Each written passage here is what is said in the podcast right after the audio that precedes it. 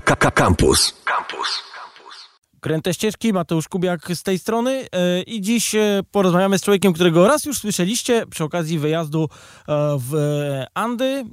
Jeździ rowerem po Ameryce Południowej na dość wysokich wysokościach, a tym razem popatrzymy sobie na mapę Polski i przejechanie jej prosto. Gościem jest Marcin Korzonek, łączymy się komunikatorem z Wrocławiem. Halo, dzień dobry. Dzień dobry, witam serdecznie. Polska prosto, tak? To się nazywało? Tak, Polska prosto rowerem. Dobrze. I tutaj e, tak naprawdę chodziło o zrobienie krechy na mapie, ale ta krecha to nie jest metafora. E, tak, dokładnie. Chodziło o przejechanie Polski w linii prostej na rowerze. Dobrze, to teraz powiedz odkąd dokąd. E, jak będziemy się w to wgłębiać, to będzie się robić tylko ciekawiej. Także jak ktoś chce gdzieś iść, to niech zostanie i nas słucha, bo ta decyzja będzie lepsza. No, słuchamy. Tak. Jakby wyznaczyłem sobie trasę, czyli narysowałem sobie linię prostą, dosłownie y, na mapie wziąłem linijkę i ją narysowałem, wzdłuż południka 18,10 y, ponieważ to nie każdy operuje, zresztą ja też tak nie operowałem, y, takimi liczbami, południkami, gdzie to jest, to jest mniej więcej wysokość, ta linia będzie przecinała między innymi Kędzierzyn-Koźle, a na górze ja wypadłem, tam były błota, taka mała wioska Generalnie rozpoczynałem tą podróż z granicy południowej i chciałem dotrzeć nad samo morze. A czemu akurat tą linię wybrałem? Czemu akurat wybrałem ten 18,10, ten południk? Ponieważ ja chciałem połączyć tę granicę, czyli granicę południową z północną, to wiedziałem, że nie mogę ruszyć y, z miejsca, gdzie są góry. No bo jak są góry, to nie wiem, y, nawet w Karkonoszach, nawet w jakichś niższych górach będzie mi ciężko jechać w linii prostej rowerem, więc wybrałem to miejsce, gdzie nie ma gór a nie ma gdzie gór pomiędzy Sudetami i Beskidami. Jest takie obniżenie. I w tym obniżeniu dokładnie jakby y, wyznaczyłem tą trasę, a później wyznaczanie tak bardzo szczegółowe, bo to było tak dosłownie na milimetry, milimetr w lewo, milimetr w prawo, to już decydowało o tym, co miałem po drodze, czyli patrzyłem na przeprawy rzeczne, przede wszystkim na autostrady, tak, bo to był mój największy problem, że po drodze wypadały mi trzy autostrady albo drogi w klasie y, S, i musiałem tak celować, żebym mógł je pokonać jakoś bezpiecznie. No dobrze, ale teraz e, podstawowym pytaniem to jest odchylenie od tej kreski. Z tego co ja czytałem, to to nie było takie proste się tam odchylić. Yy, tak, oczywiście. Musiałem sobie założyć jakiś margines. To było oczywiste, bo no nie da się jechać zupełnie prosto, yy, bo, no bo czasami budynek stoi i już. Więc u mnie to wynosiło dokładnie kilometr w lewo, kilometr w prawo. Czemu akurat tyle? Dlatego, że mm, ja chciałem osiągnąć taki cel, że jak przejadę tą całą trasę i będę miał zapis GPS-a i nałożę to na mapę, na mapę y, cyfrową, czyli na przykład Google Maps i wyświetlę sobie na monitorze, żeby mi to utworzyło linię prostą, dokładnie bez żadnych zawijasów. I ten margines w lewo jeden, prawo jeden dokładnie to umożliwiał. I faktycznie tak się stało. Jak później wynikowa ta trasa została nałożona, to utworzyła praktycznie idealną linię prosto. Ten margines zginie. Już przy tej jest tak duża odległość e, między granicami, no bo to mi wyszło 760 km przejechałem, czyli tam w linii prostej było chyba 600 km, że to już nie ma znaczenia ten margines. To jest, no bo ten margines też zależy od długości, prawda? Na długość 760 km, jeden kilometr w lewo, jeden w prawo, no to już nie jest zbyt dużo. Także z tego to wynikało. A musiałeś rzeczywiście dochodzić do tego kilometra granicy? Zdarzało ci się, że, że była szansa go przekroczyć nawet? Oj, i to jeszcze nie raz. To było w ogóle, yy, to wyglądało tak, że kilka razy, bo to była cała taka logistyka też związana, jak ja mam te, te granice w rzeczywistości je zobaczę, tak? No bo przecież nie zobaczę ich w formie linii na, yy, na w rzeczywistości. Więc ja sobie narysowałem na GPS-ie trzy linie, tak naprawdę to był w formie takiego pliku GPI zrobione i były taka pierwsza linia, środkowa linia, czyli lewa, środkowa, prawa. I prawa, lewa to były moje marginesy. Także ja na GPS-ie cały czas widziałem zapalone te linie, tylko że one się nie rozróżniały kolorem, bo musiały być po prostu w jednym kolorze, więc ja nie wiedziałem, która jest którą. I czasami jak jechałem i tak patrzę, i nagle przekraczam, to ona była w różowym kolorze, pamiętam do tej pory, że przekroczyłem ją i prawie, że ataku serca dostawałem, że przekroczyłem mój margines, a to się okazało, że to była ta środkowa linia, którą mogłem y, przekraczać, bo wzdłuż tej środkowej jechałem, prawda, mogłem oscylować. I zdarzyło się kilka razy, że nawet miałem taką sytuację, że zbliżyłem się do linii, za tą linią miałem e, widoczny mostek, przez który mogłem przekroczyć rzekę, a nie mogłem z niego skorzystać. I proszę sobie wyobrazić zdziwienie jakiegoś chłopa tam, który patrzył, jak przechodzę przez rzekę i tak patrzył na ten mostek, patrzył na mnie, patrzył na ten mostek, patrzył na mnie. I nie mógł zrozumieć, o co chodzi. Ja stwierdziłem, że nie będę tłumaczył. Dobrze, czyli to jest opowieść o tym, jak zostać atrakcją e, turystyczną dla miejscowych. I e, może już konkrety zacznijmy. Ruszasz e, z, nie z gór, tak? Województwo opolskie, tak? Czy, czy śląskie? Skąd to, skąd to należy ruszyć? O, ale pytanie, szczerze mówiąc już nie pamiętam, czy to było. Wydaje mi się, że to bardziej śląskie. Tak, dokładnie ruszyłem z granicy z Czechami, czyli musiałem sobie tam dotrzeć, dojechałem pociągiem, tam podjechałem pod granicę e, i popatrzyłem na GPS-a, że jestem idealnie na granicy i tam nie było gór, ale było jednak wzgórza. Także tam już miałem pierwsze problemy. E, w ogóle to miejsce wypadło mi w polu, więc zacząłem grubo, bo zacząłem od pola. Czyli zacząłem od przejechania komuś po polu. I to też było ważne, bo nieprzypadkowy był termin tej wyprawy. Ja tam, to było na przełomie, cała ta wyprawa była na przełomie sierpnia i yy, lipca i sierpnia. Czemu akurat wtedy? Dlatego, że zależało mi, żeby trafić na moment, kiedy są żniwa, a właściwie na ten moment tuż po żniwach. I wyczytałem, że żniwa w Polsce zazwyczaj są od 15 lipca do 15 sierpnia. Więc tak wybrałem ten termin, wcelowałem, że akurat wtedy była dobra pogoda, więc to y, rolnicy mm, już zbierali te swoje zbiory. Chodziło mi o to, żeby nie trafić na pola, które są porośnięte zbożem, żeby ich nie niszczyć. Oczywiście zdarzyło mi się gdzieś tam, że miałem takie pole i to jakby inna bajka, ale generalnie trafiłem bardzo dobrze i w większości przypadków było ściernisko, po którym mogłem jechać, lub też ewentualnie, i to była gorsza trochę wersja, e, świeżo zaorane pole. No właśnie, bo jakbyś jechał później, to już wszystko było zaorane, także też musiałeś taki moment złapać, kiedy jest ścięte, a, a jeszcze nie orają tak e, e, na dużą tak skalę. Trafiłem, tak trafiłem na te zaorane pola. No oczywiście tutaj tajemnica tkwiła w rowerze bo tak naprawdę clue trochę tej wyprawy był rower. Rower to jest fatbike, ja jechałem na fatbike'u, czyli rowerze z najgrubszymi oponami, jakie są. Tam jest opona 4,7 cala. Dla porównania w rowerze górskim mamy dwucalową oponę, a w rowerze takim trekkingowym, miejskim mamy półtora calową oponę, a tu miałem 4,7 cala. E, czyli prawie 5 cali, to jest prawie 12,5 cm e, szerokości, więc jest potężna opona, która jest w stanie jechać po piachu, po śniegu, to są rowery właśnie takie wielozadaniowe, na trudne warunki. To producenci generalnie przeznaczają właśnie na piasek i na mm, śnieg, a ja bardziej wolę tą nazwę taką na trudne warunki i właśnie między innymi na zaorane pole. Ja oczywiście to testowałem wcześniej, jeździłem tym rowerem po, po świeżej ziemi i może nie powiem, że, że bez problemu, ale da się przejechać po zaoranym polu. No, to bardzo brzmi optymistycznie. E, ale mm, powiedz jeszcze tak, poza zaoranym polem, jakie miałeś e, takie najbardziej problematyczne e, odcinki? No woda oczywiście. Ja jakby przed tą wyprawą, ja jestem informatykiem zawodu, więc sobie musi być wszystko w tabelkach rozpisane i jakby przemyślałem, jakie mogę mieć przeszkody. I tymi przeszkodami, jakie mogę mieć podczas takiego przejazdu, to było tak, no te pola, lasy. No lasy stwierdziłem, z tym rowerem dam sobie radę przejechać. Woda. No, oczy, oczywiście y, tutaj y, musiałem przewidzieć, że będę miał dużo tej wody, czyli były to rzeki, były to jeziora, w tym jezioro Turawskie, gdzie w sumie płynąłem 3 kilometry. Żeby przekroczyć te wody, zabrałem ze sobą pontonik maleńki, e, taki 3-kilowy, i w momencie, jak miałem taką rzekę, e, dmuchałem ponton, e, wkładałem, nakładałem na ponton e, rower. Znaczy, rower trafił tak naprawdę na przyczepkę taką specjalną, to znaczy był ponton i było takie kółko do pływania wielkie, i na to kółko był położony rower. Ja do pontonu, do pontonu sakwy, kółko było przyczepione sznurkiem i płynęliśmy w ten sposób na wiosełkach przez jeziora i przez rzeki.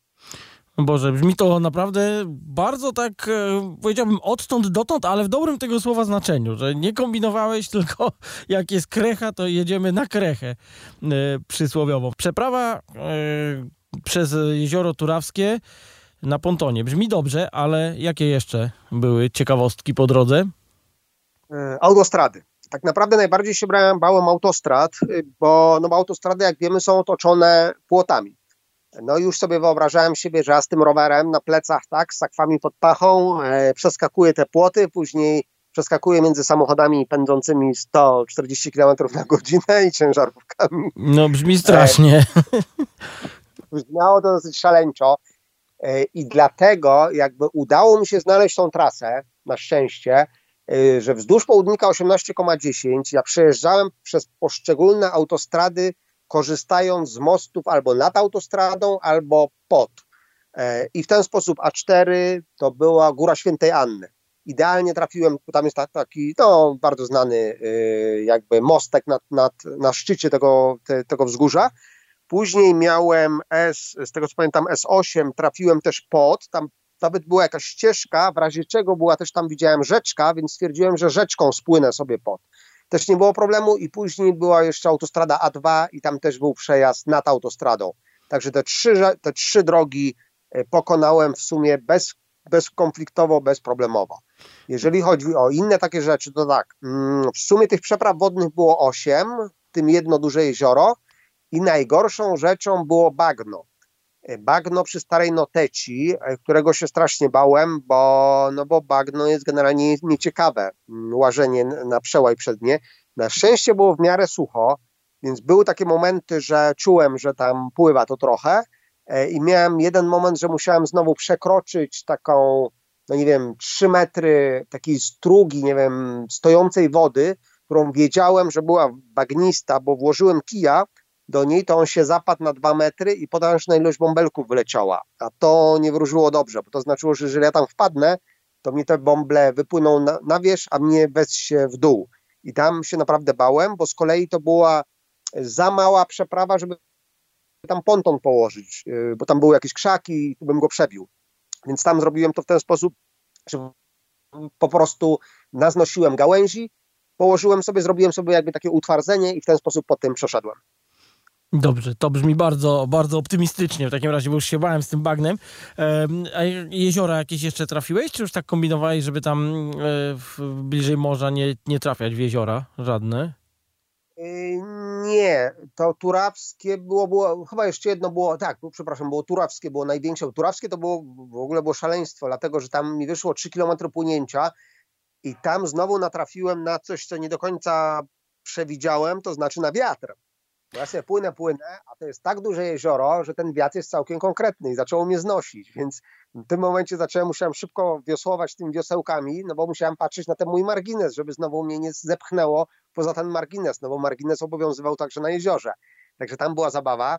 Później było jakieś takie małe jeziorko, nie, dwa małe jeziorka były, w ogóle w jednym, na drugim brzegu trafiłem na jakąś prywatną działkę, chociaż podobno w Polsce nie, działka prywatna nie może dochodzić do jeziora, ale tam tak było. Wyszedłem na pomost, no i się pytam pani, czy mogę tutaj wysiąść, no bo chciałem się dostać dalej tam gdzieś e, do lasu, a wszystko było ogrodzone, a pani powiedziała, że nie. No i musiałem odpłynąć i podpłynąć do innego pomostu, tam na szczęście też byli ludzie, e, ale przyjęli mnie z otwartymi ramionami, w ogóle chcieli, żebym został na noc, e, na grillu i tak dalej, i tak dalej. Też muszę powiedzieć, że oczy zrobili trochę, jak zobaczyli mnie wychodzącego z jeziora z tym rowerem, no ale ale to jest specyfika. ciąg dalszy bycia atrakcją turystyczną. I co im powiedziałeś? Tak, no i największa w sumie taka przeszkoda, z którą wiedziałem, że będzie, to była kopalnia węgla kamiennego w pobliżu Konina. E, no i tam była gruba sprawa, bo to się oparło nawet o zarząd tej e, całej kopalni, bo ja napisałem do niej, że, że stoją mi na drodze.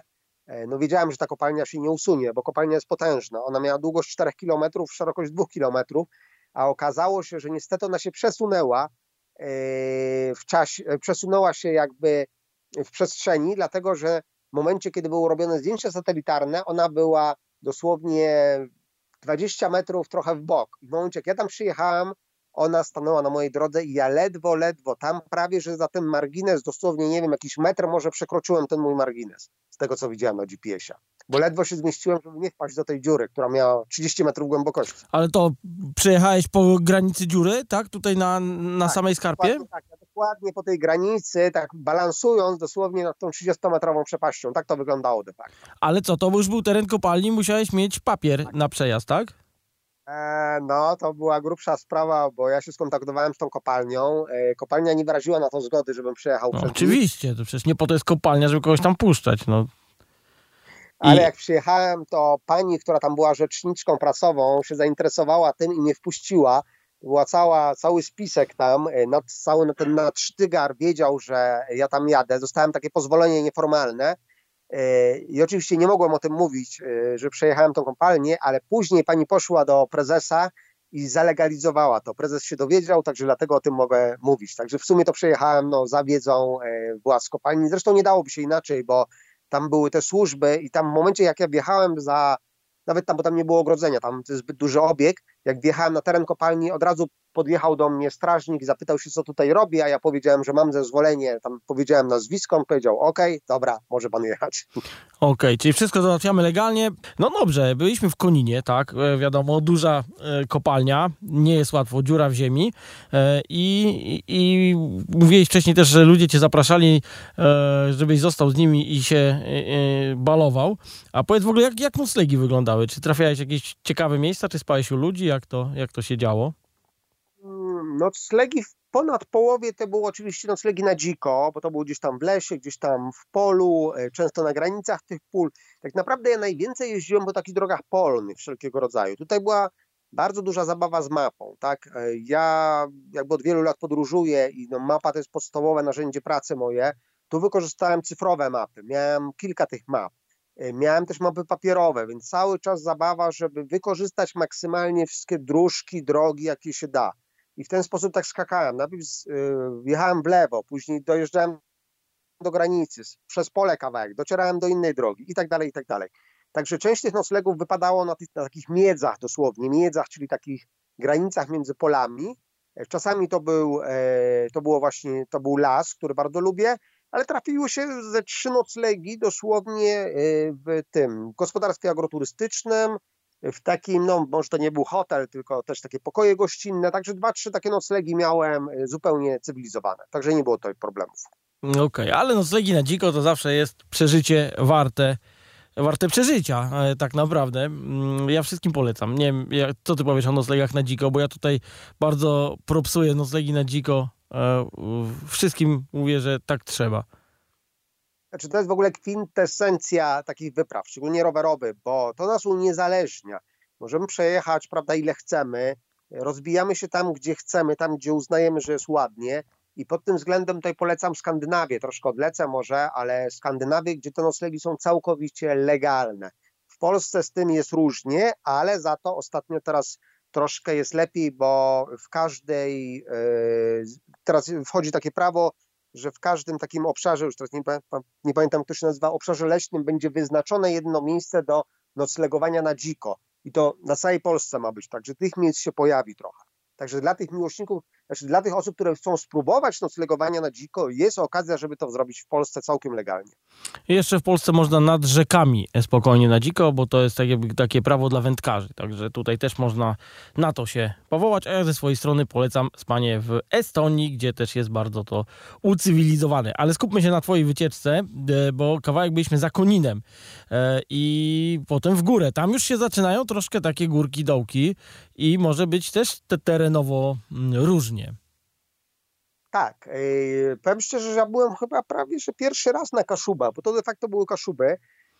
Tam na szczęście było dosyć dużo dróg, yy, bo tam było właśnie takie bardzo, pamiętam, że bardzo duże amplitudy. W sumie te górki są niewielkie, ale w tym momencie, mm, jak był, nie wiem, nawet ta górka miała 30 metrów, no to tak naprawdę to było duże przewyższenie, tak, bo to było bardzo strome, ale tam w większości przypadków trafiałem na jakieś dróżki, na jakieś szlaki nawet, właśnie nam się pojawiało coraz więcej tych szlaków, nawet pieszych, więc jak ja miałem pierwszy szlak, to już było super, bo tym rowerem mogłem, byłem w stanie wjechać wszędzie.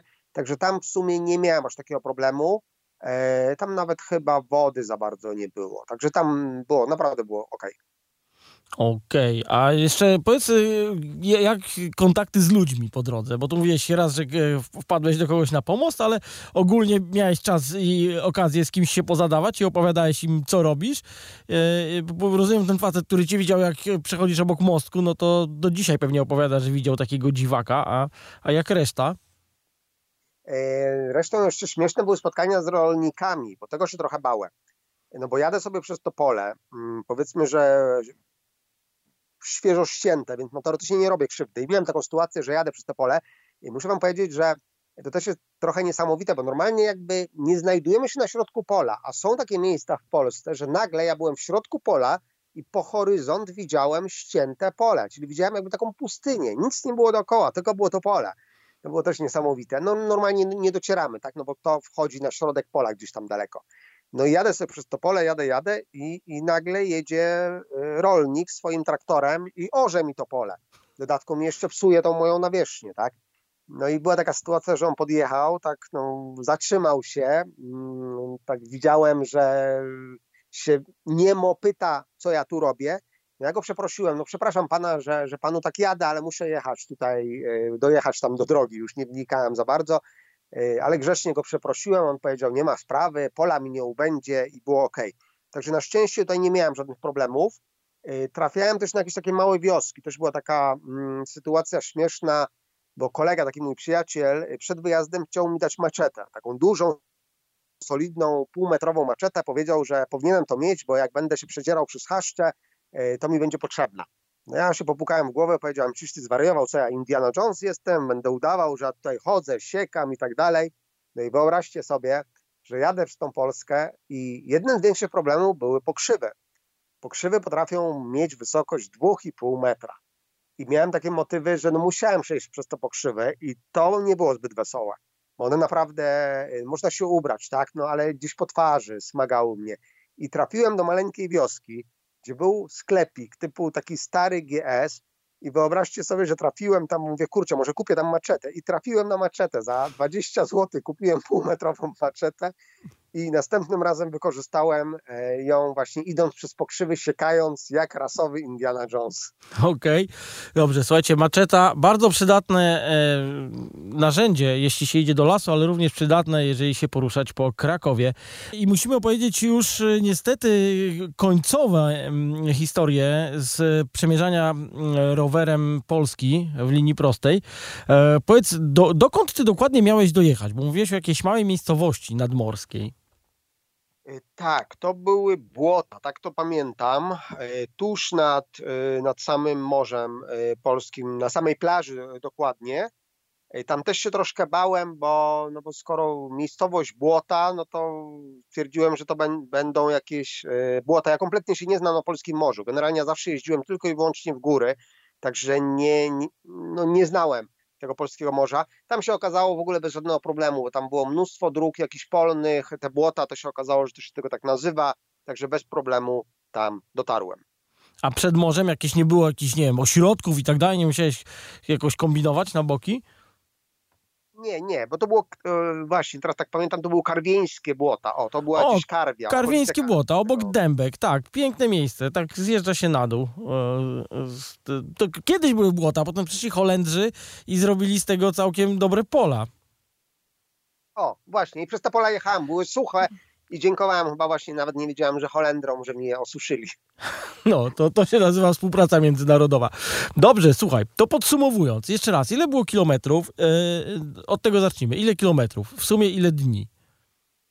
E, wyszło w sumie 760 kilometrów. Sama ta linia prosta, z tego co pamiętam, miała chyba 600 kilometrów, ale te zakosy właśnie spowodowały te 760 kilometrów i jechałem 20 dokładnie dni, e, przejechałem całą Polskę. Okej. Okay. I co, uważasz, to było dobrze? Tyle planowałeś, czy wyskoczyłeś trochę poza swój nawias czasowy? Y, znaczy nie, margines czasowy. O. Y, nie, y, dlatego że tak jak mówiłem, ja na GPS-ie widać tak delikatnie ta linia przekroczyła, tylko że tak naprawdę sam GPS też ma tą dokładność jakieś plus minus 20 metrów. W ramach tej, ta granica też była narysowana jakaś tam, jakaś tam linia, więc utrzymałem ten margines jednokilometrowy no tutaj jakby się zgadzało z moimi założeniami. Przede wszystkim zrobiłem tą linię proste, tak, bo to czy, czy to będzie nawet ten kilometr, kilometr, czy to będzie kilometr 200, czy to będzie 800 metrów, to nie ma większego znaczenia. Bardziej mi zależało, żeby faktycznie ta linia, to co ja wyświetlę na ekranie później w czasie pokazu, pokaże tą moją przejechaną trasę, żeby jakby ta trasa mówiła sama za siebie, żebym ja nie musiał tłumaczyć, tylko to przejechałem, a to, czy to jest linia prosta, czy nie, możecie ocenić sami. Zresztą możecie sami zobaczyć na stronie później powiemy adres, to każdy może to zweryfikować. Czyli to się broniło w obrazie, mówiąc najprościej. Dokładnie tak. Dobra, słuchaj, musimy powiedzieć o tych e, stronach, gdzie, gdzie, gdzie można to zobaczyć. E, więc powiedz, jakby ktoś chciał zobaczyć zdjęcia stamtąd, plus tą krechę, którą zrobiłeś, bo to chyba jest najfajniejsze w tym wszystkim. Gdzie to możemy zobaczyć?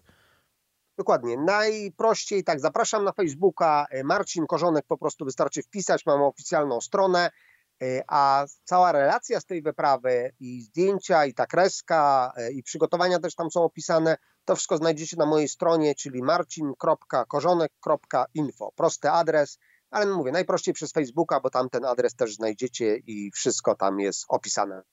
Słuchaj, to pozostaje mi pogratulować w takim razie i zapytać, co następne planujesz, bo twoje wycieczki są bardzo ciekawe i takie nieoczywiste, bym powiedział. E, No, czasem mamy jakie mamy. Mm, Oczywiście mam dużo planów, mam cały katalog z planami na najbliższych ileś lat. E, Na pewno nie będą to zagraniczne, gdzieś tam dalekie wyprawy. E, Bardziej się skupię, być może w tym roku się skupię trochę na Polsce, zobaczymy. Teraz kończę jeszcze taki projekt bardzo duży, który jest dla wszystkich. Pracuję nad nim pół roku. Nie mogę jeszcze powiedzieć, zdradzić do końca, co to jest, ale wejdźcie na stronę na Facebooku, to już podejrzewam, że powinno być lada dzień o tym. E, ale się skupię, myślę, na Polsce i na Europie, bo naprawdę Polska jest bardzo ładna. Im dalej jeżdżę poza Polskę, im dziksze regiony, Azja, Afryka, Ameryka e, Południowa, tym bardziej doceniam e, Polskę, a szczególnie moją rodzinną krainę, czyli Dolny Śląsk, bo naprawdę przepiękne miejsca są tutaj. Jakoś tak jest, że co chwila, jak z kimś gadam, to wracamy do tego Dolnego Śląska, więc ja chyba też tam w końcu pojadę, bo mam duże braki w Dolnym Śląsku. Słuchaj, przekonałeś na pewno mnie. Dziękuję serdecznie i myślę, że po kolejnym jakiejś twojej wyprawie pogadamy sobie jeszcze raz. Super, dziękuję bardzo. No i zapraszam oczywiście wszystkich na Dolny Śląsk. Oczywiście, dziękujemy. To był Marcin Korzonek e, z Wrocławia, a to były Kręte Ścieżki z Warszawy. Do usłyszenia. Cześć. Słuchaj Radio Campus, gdziekolwiek jesteś. Wejdź na www.radiocampus.fm.